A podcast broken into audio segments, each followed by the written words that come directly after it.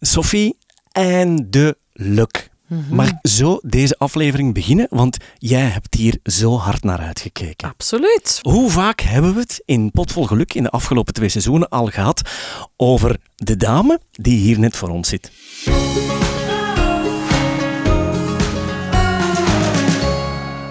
Als ik zie hoe wij de afgelopen seizoenen eh, een zoektocht hebben afgelegd naar geluk. En als ik dan bekijk of beluister, herbeluister hoe dikwijls het woord yoga gevallen is, dan ja, vind ik het niet meer dan normaal dat we eindelijk eens op dat onderwerp gaan inzoomen. En eh, ik ben dan ook enorm blij en vereerd dat eh, Ellen van Rentergem hier vandaag in de studio zit. Want zij gaat er alles over vertellen. En ik ben nu al verliefd op al wat ze gaat zeggen, omdat ik zo ook overtuigd ben van de leer, van de levenslessen en de levenswijsheid die zij naar mijn gevoel dagdagelijk praktiseert en ook ehm, ja, meegeeft met iedereen die het horen wil. Dag Ellen. Goeiedag. hey, dat is nogal een introductie. Hè? Amai. is het echt niet zo van in de knoop of een moeilijke houding of een oomgevoel? Of is dat echt niet zo? Nee, dat is echt niet zo. En het is zo jammer dat dat eigenlijk zo uh, in de, de boekjes of op social media wel zo wordt gepresenteerd. Mm -hmm. ja, want uh, social media en yoga is precies soms uh, fotomodellen, shoots en prachtige houdingen en, en superslanke vrouwen met super hippe, toffe tenues. En dat mag, hè. Maar het jammeren is dat de mensen die echt gebaat zijn met yoga, daardoor soms afgeschrikt worden een totaal verkeerd beeld krijgen van yoga. En yoga dan eigenlijk gewoon parkeren. Zullen we beginnen met eerst eens te overlopen waarom iemand yoga zou moeten doen? Wel, ik zeg altijd, yoga is een manier om zowel het fysieke, dus we zeggen nu wel van ja, je moet niet in houdingen gaan draaien en zo. Maar het heeft wel natuurlijk een enorm goede invloed op je fysieke lichaam. Hè. Dus uh, last mensen met spierklachten, mensen met um, immuniteitsklachten, met vermoeidheid. Dus al heel dat fysieke stuk, daar ben je echt mee gebaat door yoga. Maar ook dat mentale, emotionele, dat wordt enorm op, op gewerkt door de tools vanuit de yoga-traditie. En dan het energetische, dat is zo'n woord waar sommige mensen een beetje schrik van hebben. Zo van, is dat niet wat zweverig en hoe moet ik dat dan bezien? Maar zie het als gewoon de vibe waarin je je bevindt. Dus een van de neveneffecten is sowieso dat je er mentaal ook sterker van wordt. Mijn uh, mantra is blijf de waarnemer. En dat is mijn mentale kapstok, zal ik zeggen. En dat is zeker en vast yoga die mij dat gebracht heeft. Ik ben van nature een, uh, een vurig iemand, soms zelfs furry. Dus dat is goed voor mij dat ik dat kan, om toch die waarnemer te blijven. Om... Leg dat eens te goed uit, de waarnemer zijn? Ja, um, de waarnemer zijn is bijvoorbeeld... Je bent in gesprek met iemand en iemand zegt iets irriterend, hè, dat u triggert, waardoor je, ja, waardoor je goesting hebt om eens goed te zeggen, nee, dat mag niet, en wat zei jij nu, en dit en hetgeen. Hè. Maar dat je beseft van, goh, dat is gewoon een reactie zonder nadenken op een, op een verhaal van iemand of op een gedrag van iemand. En wanneer je bewust wordt van die trigger, van die emoties die beginnen op te porrelen, dan ga je twee keer nadenken. En dan ga je zeggen, oké, ik ga hier even de waarnemer van zijn, van dat verhaal, van dat gedrag, van mijn reactie daarop. En dan stap je in een rust. En dan ga je vanuit de rust reageren. En het schone is dat iedereen die rust heeft. Mhm. Dus je moet daar niet speciaal voor zijn, niet speciaal voor opgeleid zijn. Die is er gewoon. Het is gewoon belangrijk om te leren in de rol te stappen van de waarnemer. Ik kan mij voorstellen dat je dat ook uitstraalt naar jouw naaste omgeving. Soms. Soms niet. Natuurlijk probeer ik dat zoveel mogelijk toe te passen in mijn dagdagelijks leven. Maar laten we hier heel eerlijk in zijn. Ik zit net als jullie in die drukke redrace. Hè. Mama van een klein kindje, zelfstandige, drukke job, verwachtingen die langs alle kanten op ons afkomen, rekeningen die moeten betaald worden, huishouden dat moet gedaan worden. Dus soms lukt mij dat niet, de waarnemer blijven. En dan stap ik in die rol van furry en dan ben ik helemaal niet rustig en dan ben ik uh, drama queen, zoals mijn uh, vriend soms zegt. Maar dat is ook oké. Weet je, want dat is yoga. Yoga is niet zen zijn. Yoga is heel bewust worden van wie je echt bent en zoveel mogelijk naar dat stukje uniciteit leven. En bewuster worden van triggers, bewuster worden van de wereld rondom u, bewuster worden van uw eigen emoties, uw eigen mentale activiteit. En van daaruit altijd terug opnieuw en opnieuw oefenen om te handelen, te antwoorden, te spreken, te zijn vanuit rust. Maar die authenticiteit waar jij over spreekt, dus hetgeen waar we eigenlijk naar zouden moeten kunnen terugplooien, hoe vind je die? Wat zijn jouw tools? Dat is een heel belangrijk stuk wat ik echt even graag wil benoemen, is yoga is niet gelijk aan fysieke houdingen. Yoga wil letterlijk zeggen één worden met wie je echt bent. dus yoga, yoga is, is to become an union. Dat is eigenlijk het echte vertaling van yoga. Dus yoga is één worden met wie je echt bent. Yoga technieken zijn asana, houdingen, dus hetgene wat we allemaal wel kennen van yoga. Maar ademhaling behoort onder dat koepel van yoga. Meditatie behoort daaronder. Maar ook de yoga-filosofie. Hoe sta je in het leven? Hoe handel je? Meditatie is echt een enorm belangrijke tool vanuit yoga. En uiteindelijk is dat misschien nog het allerbelangrijkste. Kunnen waarnemen is een stukje van de yoga. Dus je hebt al die tools, wat eigenlijk onder, dat, onder je koepel van de naam yoga staat zodat we dus dichter kunnen komen bij wie we echt zijn. Dus hoe leren we dat aan? Door in de wekelijkse yogalessen al die tools kort aan te halen. Door in een wekelijkse yogales eenvoudige fysieke houdingen uit te voeren. In combinatie met ademhaling. Mensen terug leren ademen. Want de meeste mensen die mijn yogales binnenwandelen weten niet hoe dat een natuurlijke ademhaling is. Mhm mensen leren bewust worden van het fysieke lichaam. Van, ah, oh, ik heb hier eigenlijk altijd pijn. Veel mensen weten dat niet, omdat ze altijd maar verder lopen. De meeste mensen richten zich naar de wereld buiten hun. Naar hun werk, naar social media, naar um, mensen die ze graag zien, naar collega's, naar to-do-lijstjes, naar verwachtingen. Dat is allemaal buiten de wereld.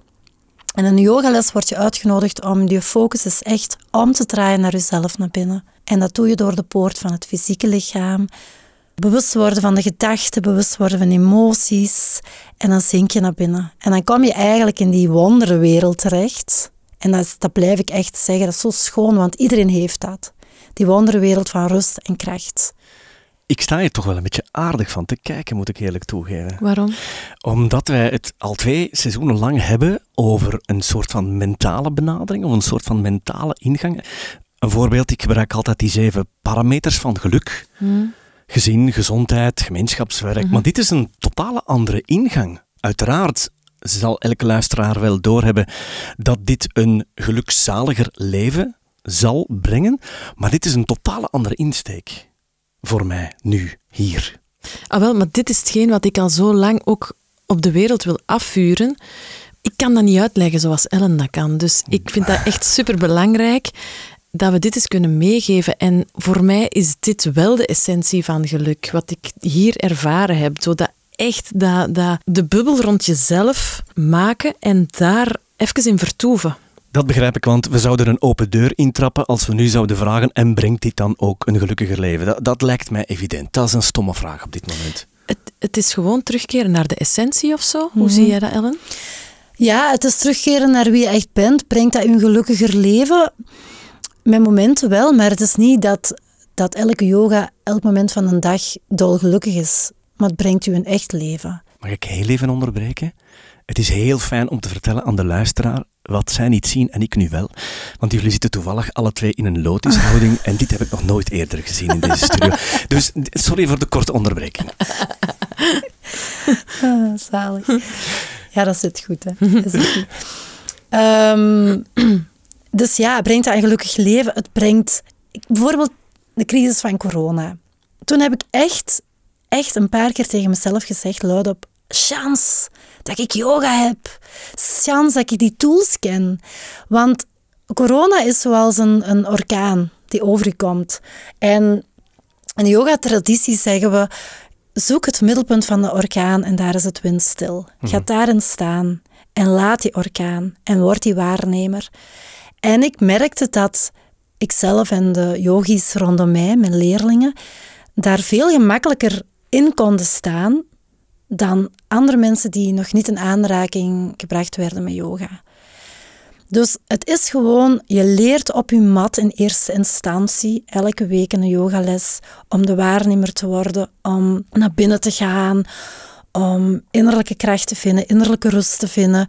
En je leert omgaan met orkanen. Dus wij zeggen soms, je kunt niet bidden voor voorspoed en alleen maar leuke dingen op je levenspad. Maar je kan wel werken aan je eigen veerkracht en de manier waarop je ermee omgaat. En dat is echt wel wat yoga brengt. En dan is een storm makkelijker hanteerbaar dan wanneer je die tools niet hebt. Ik probeer mij een beeld te scheppen van wat het praktisch brengt om jou in het middelpunt van die orkaan te brengen. Als jij je in het middelpunt van die orkaan voelt, in het midden van corona, wat zijn dan op dat moment ja, de resultaten, de, de voordelen, de geneugten, de reden waarom je dit doet? Ja, wel, ik, ik merkte dat er heel veel uh, strijd um, kwam onder de mensen als gevolg van de crisis. Mensen willen dat niet en mensen gaan daartegen vechten. En mensen hebben heel veel behoefte aan het uiten van hun frustratie en hun oordeel. En, en dat mag, hè. Maar uiteindelijk vraagt dat ongelooflijk veel energie van onszelf. En creëert dat best wel wat conflict en onverdraagzaamheid. Het is helemaal oké om te zeggen van, oh man, er is angst aanwezig en er is frustratie van wat dat is. Maar ik zeg het heel bewust op deze manier. Ik zeg, ik probeer zo weinig mogelijk te zeggen, ik ben gefrustreerd en ik ben bang. Want dat zijn we niet. We moeten echt proberen de waarnemer te worden van de angst die er is, de waarnemer van de frustraties die we tegenkomen. En dan blijf je in die rust. En het, het toffe is dat je op die manier erkenning geeft aan die angst, erkenning geeft aan die frustratie.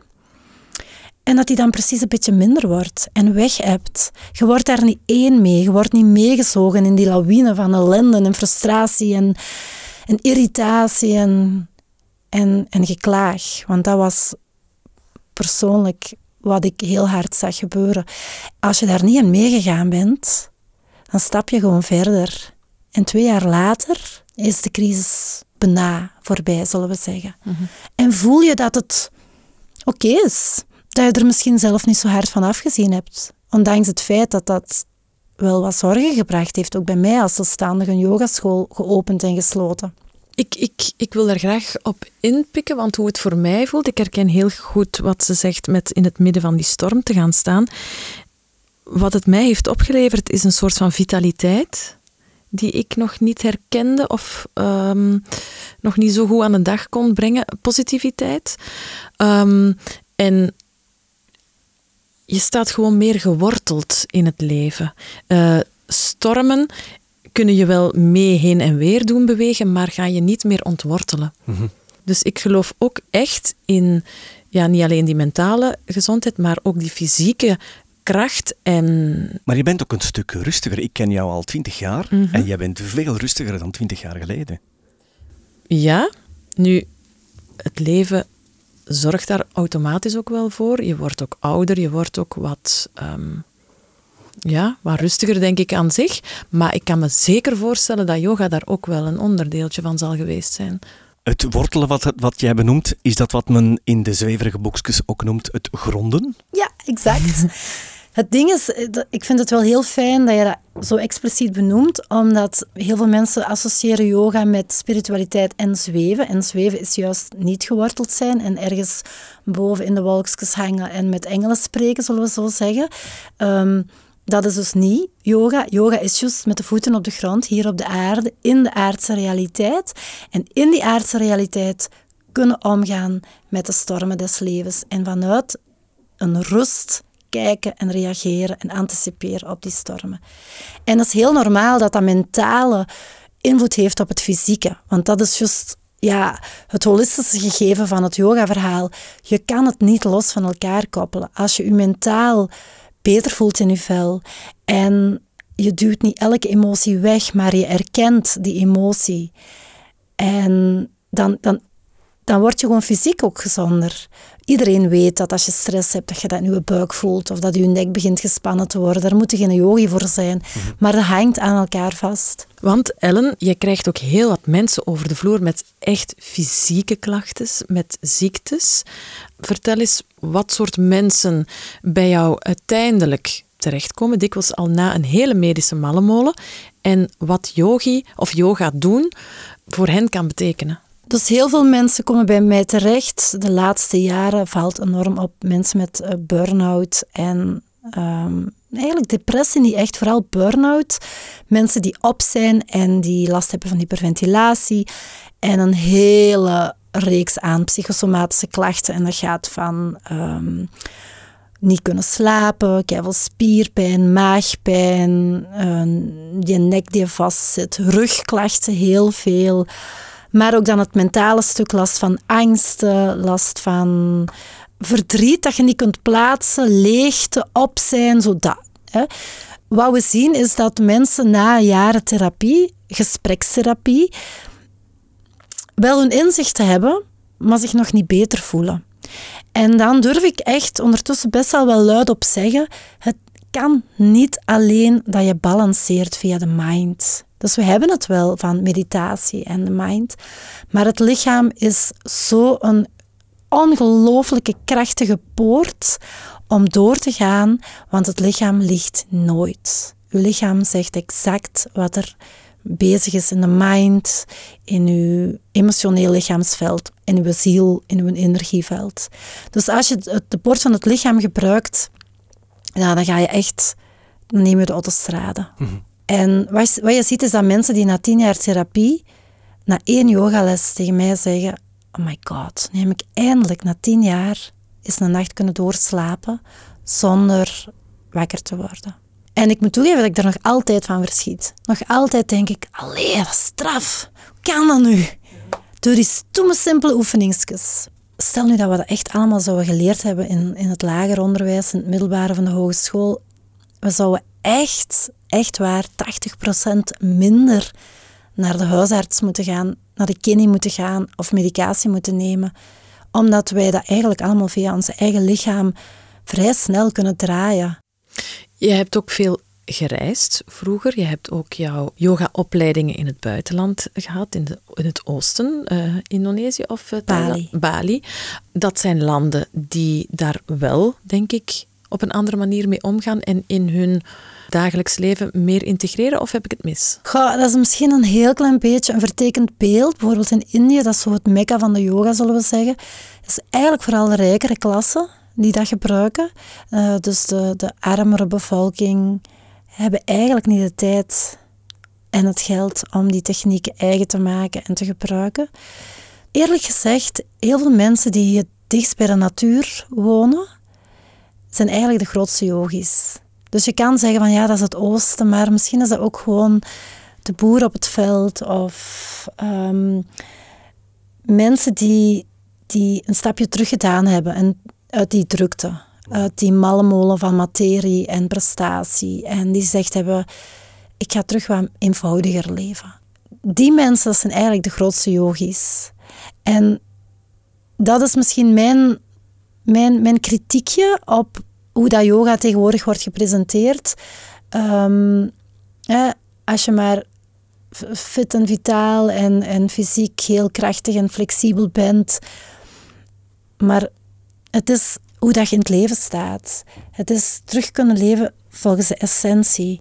En eigenlijk doordat je dat gaat doen, ga je verbinden met je eigen natuur, maar ook meer verbinding maken met de natuur, met het groter geheel. Met, en dan kom je natuurlijk op dat esoterische of dat uh, spirituele.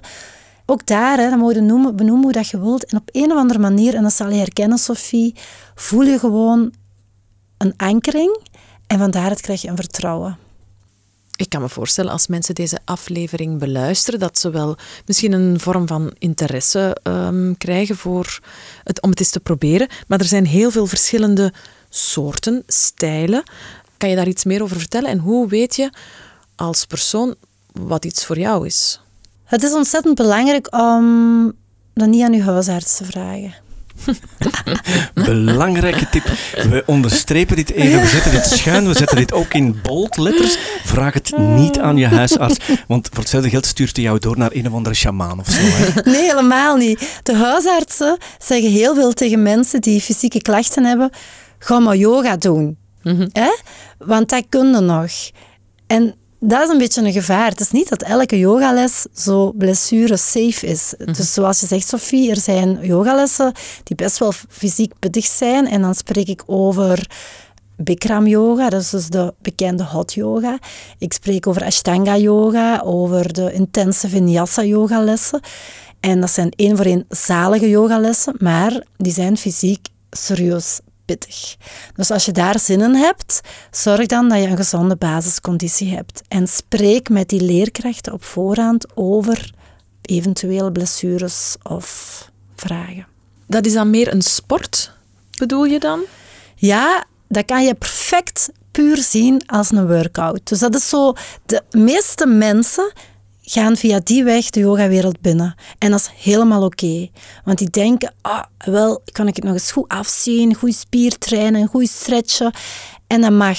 Maar wat we zien, en dat is echt bij iedereen zo, zoals trouwens bij mij ook zo, je start met dat fysieke en met de jaren stappen mensen en mensen vanuit die fysieke lessen meer en meer naar de zachtere vormen van yoga. En dan spreek ik over yin yoga, over zelfs restorative yoga, een zachte vorm van hatha yoga, kundalini yoga, want daar kom je dan meer naar dat stuk van het meditatieve, naar binnen gaan, erkennen van de sensaties en zo verder. Want er is ook een yogastijl die healing yoga noemt, of is dat een, meer een onderdeel van een bepaalde strekking? Ja, weet je wat? Er zijn heel veel namen um, in de yogawereld. En op zich zijn alle vormen van yoga healing yoga. Mhm. Behalve de, degene die ik ooit geprobeerd heb, want ik noem dat een martelyoga. Voilà. Het is heel lang geleden en ik moet eerlijk zeggen, ik ben daar geradbraakt Ja, van naar huis gekomen. En dat was trouwens ook in Indonesië. Ja. Niet op Bali natuurlijk, niet in Ubud, maar dat was in Jakarta. Dat was heel Ja. commercieel. Ik dacht, nee, dit is niks voor mij. Ik vermoed dat ik met de verkeerde begonnen ben. Goh, eigenlijk moet je sowieso... ehm, het beste wat je kan doen is aan mij vragen. Want we moeten, als ik, ik, ik als yoga-teacher zal echt tegen bepaalde mensen zeggen van nee, deze yogales is niet voor u. Ga maar bij die teacher. Ga naar die richting. Omdat je moogt niet geradbraakt buiten komen. Yoga is de bedoeling dat we in balans komen en niet dat je uit balans buiten komt. En wat je ziet gebeuren in yogalessen, in sommige yogalessen, is dat ze instant van die prachtige houdingen gaan aannemen en speciale ademtechnieken. Maar dat gaat niet met mensen die nog eerst moeten leren gewoon een buikademhaling toepassen. En die prachtige houdingen, dat gaat dan voor mensen die heel veel danservaring hebben of atletische achtergrond hebben, maar dat gaat niet voor Jan met de pet. En ik zeg dat ook in mijn teachertrainingen. Yoga wordt heel sexy en subtropisch gepresenteerd op ehm, Instagram en Facebook. Maar in de praktijk, yoga in de campen, dat is met Jan met de pet. En dat is de mensen aanleren wat een holle rug en een bolle rug is. Ja. En daar moeten we mee starten. En dat kan soms jaren duren. En dat is yoga. Die yoga is voor iedereen goed. Dat is wat ze noemen de Kempische yoga. Ja, ik, ik lag daar zo wat mee van in de campen. Hè. Maar eigenlijk, je vindt dat natuurlijk in alle grootsteden ook. Tuurlijk. Maar als je geen atletische achtergrond hebt en geen danservaring hebt, dan zou ik eerder starten met een zachte vorm van hatha yoga, een zachte vorm van yin yoga. En dan eens voelen van wat lukt er hier. En dan kun je zo wel eens een lesje ehm, gebruiken. Maar stel nu dat je onwetend in zo'n les stapt, zoals jij gedaan hebt, en je voelt na 15 minuten, oh my god, dit is echt niet goed voor mijn lichaam. Ja. Ja, dan ga je yoga toepassen en dat wil zeggen, je luistert naar jezelf. En desnoods ga je de rest van het uur op de mat liggen, maar je luistert naar jezelf. Want de teacher aan de voorkant in de klas is niet wijzer dan jij. Ja. Jij bent de guru. Jij bent uw eigen wijze man of vrouw. Ja. En jij weet wat voor jou goed is. En dat moet je doen. Ik wil het ook nog eens even hebben over meditatie, want dat is een misschien nog zweviger begrip voor eh, veel mensen. Hoe kan je dat uitleggen aan mensen die geen ervaring daarmee hebben, maar die dat wellicht ook al heel veel gehoord hebben, of die dat misschien soms ehm, als tip meegekregen hebben, wat dat, dat juist is? Wel, um, in meditatie gebruik ik uh, het verhaal van de monkey mind. En dat komt nu wel uit India. In India spreken ze over onze mind en het denken. En ze vergelijken dat met, uh, met een aap die van de ene tak naar de andere springt. Dus dat zijn die gedachten. Hè. En als je die aap een banaan geeft, dan blijft hij zitten op het takje en dan eet hij die banaan op. En dat is eigenlijk meditatie. Dus meditatie is uw mind een banaan geven. Of een focus geven. Eén dingetje waar je moet mee bezig zijn. En dat kan bijvoorbeeld eh, heel klassiek is het staren naar een kaars. Ik weet niet hoeveel mensen dat nog doen, maar dat is een vorm van meditatie. Of het beluisteren van een mantra, dus altijd hetzelfde woordje of hetzelfde zinnetje. Of ehm, het kijken naar één punt of enkel aandacht besteden aan de geluiden. Dat komt dan meer uit de mindfulness. Dat is al een beetje meer gekend onder de mensen. Of heel bewust uw boterham opeten. Dus de focus is dan van hoe ben ik aan het eten en hoe proeft dat eten. Dus je bent met één ding bezig, heel bewust, waardoor die mind even op vakantie gaat. Maar je zal merken dat na twee seconden die mind al terugkomt hè, en dan begint het, en dan verzet je constant je aandacht van, van die red race of die, fluctuatie van de mind naar terug dat focuspunt. Dat is eigenlijk de eerste stap in meditatie. En dan als je echt zegt van ja, ik wil nu echt mediteren zoals die Oosterse um, boeddhisten doen bijvoorbeeld, ja, dan ga je zitten en dan ben je. Maar vooral leer je daar naartoe gaat, ja, dan moet je soms echt nog oefenen in het focussen op één dingetje. Ja, dat wou ik net vragen, want je kan dat wel proberen zoals die mensen dat doen, maar waarom zou je dat doen als je niet eens je eigen voordeel hebt gevonden? Dus het lijkt mij verstandig om eerst te gaan kijken, wat haal ik er zelf uit? En dan te gaan doen alsof je mhm. iemand anders bent. Mhm. Dat is ook zo. Ik hou van de geleide meditaties. Waar past dat dan in jouw verhaal? Geleide meditatie zorgt ervoor dat, jij, dat, dat iemand u meeneemt in die focus. Dat je dus eigenlijk op, met je banaan bezig blijft en dat je mhm. niet terug begint te springen. En dat, dat is eigenlijk het, het makkelijkste. Mhm. Want, en daar houden mensen heel veel van, mhm. ehm, dat je eigenlijk constant teruggeroepen wordt van hey, hier is uw banaan, het verhaal, volg het verhaal. Want wanneer je zegt, hier zeg, ga maar zitten een half uur in de stilte en mediteer maar. De meeste mensen zijn 28 minuten van die 30 minuten aan het denken en hebben misschien gedurende die 30 minuten verspreid over 20 keer een paar secondjes even die focus gehouden. Maar dat is ook goed. Mhm. Maar dat is voor veel mensen soms een stap te ver of te snel. En dan is een begeleide meditatie een hele goede manier om toch die die een banaan vast te houden. Ja. Om een beetje langer in het niet-denken te zitten. Want wat levert dat juist op? Het niet-denken. op het moment dat je eigenlijk... Het is niet dat je niet denkt, het is ook weer opnieuw oefen je jezelf in het waarnemen van. Dus je wordt bewust van het denken. En je wordt bewust van de rust die er is achter het denken.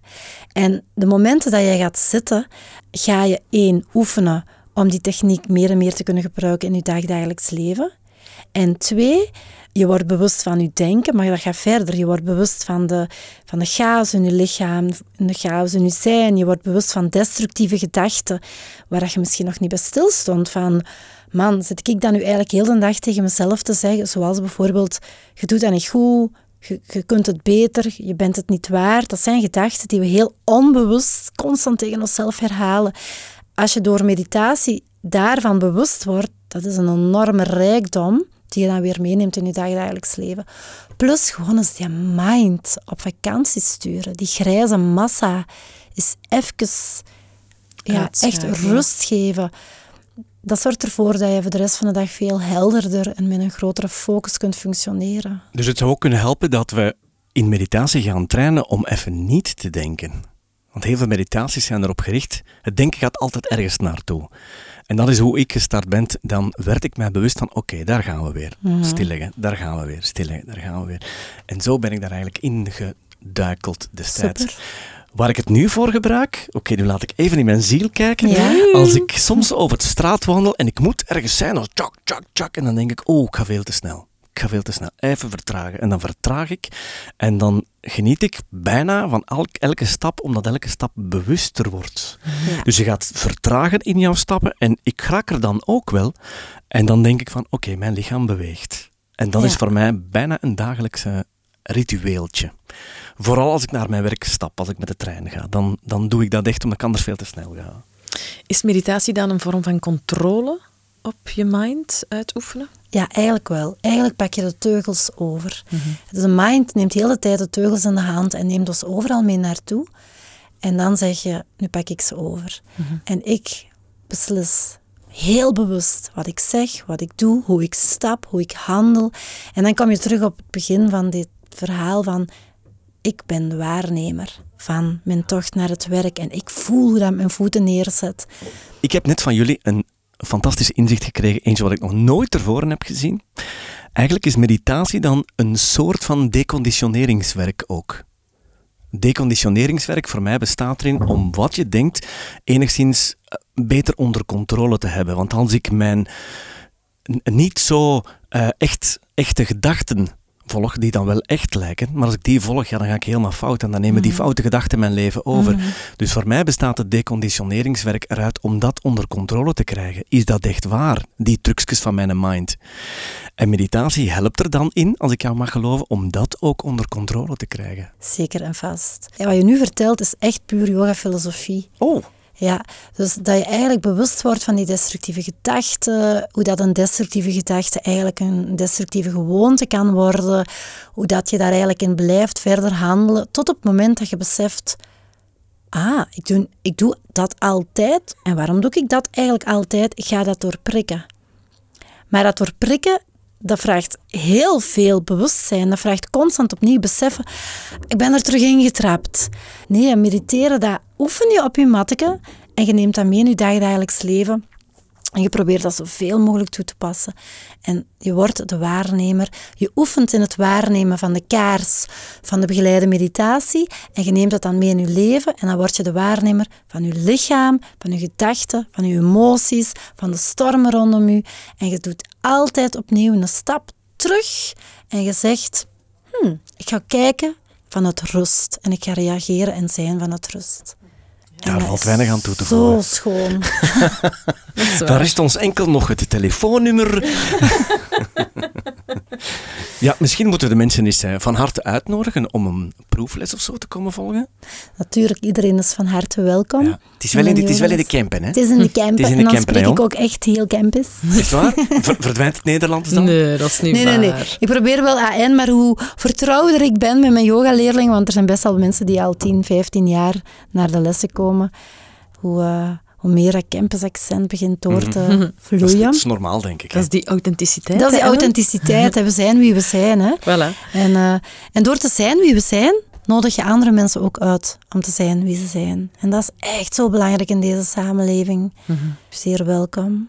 Wat is voor jou nu binnen dit yoga-verhaal jouw weg naar geluk geweest? Misschien kan je het een beetje vergelijken. Vroeger was er religie. Vroeger hadden mensen de kerk en als ze in een moeilijke situatie terecht kwamen, dan geloofden ze dat God hen ging helpen, zullen we zeggen. En vroeger gingen ze ook elke zondag naar de kerk en, en, elke dag moesten ze misschien een gebedje doen. Nu is dat er voor de meeste mensen niet meer. Dus er is eigenlijk geen houvast meer. En daardoor verliezen mensen dus ja, heel veel stabiliteit. En daardoor komt al die angst en, en drama en, en, en frustratie naar boven. En ik denk dat yoga voor mij misschien wel een religie geworden is zonder een externe God, zal ik zeggen. En die externe kracht vind ik dan in mezelf. Dat is ook de beweging volgens mij die er dan gemaakt is. Want als je het aan God overlaat, dan leg je het buiten jezelf. Mhm. En jij hebt het naar jezelf toegetrokken. Het is niet buiten mij dat het te vinden valt, maar het is in mij dat ik het moet zoeken. En dat geeft zo een veilig gevoel. Want ik heb dat niet altijd. Het is niet dat ik altijd vertoef zonder angst. Of, of, maar, maar af en toe dat voelen, hè, dat geeft zo een... En dat is gewoon geluk. Dat is terug dat vertrouwen. Wat ik daarnet zei, is echt onlosmakelijk verbonden aan geluk, wat dat je volgens mij dan ervaart. Geluk is verbonden aan vertrouwen. Geluk zit echt niet in een chique auto en een groot huis en een prachtige job. En geluk zit echt in, de, ja, in dat kunnen vertrouwen dat alles goed is zoals het is. Dat zelfs de crisis, corona, economische crisis, dat het echt oké is. En dat wij hier allemaal kunnen en blijven rechtstaan. En het feit dat wij dit hier en nu mochten opnemen, is ook oké. En is ook geluk dat wij maar al te graag verspreiden. Ja, zalig. Super. En dankbaarheid daarbovenop uh, toevoegen. Dus daarmee kunnen we dan misschien wel afronden. Hè? Dankjewel, Ellen. Dankjewel.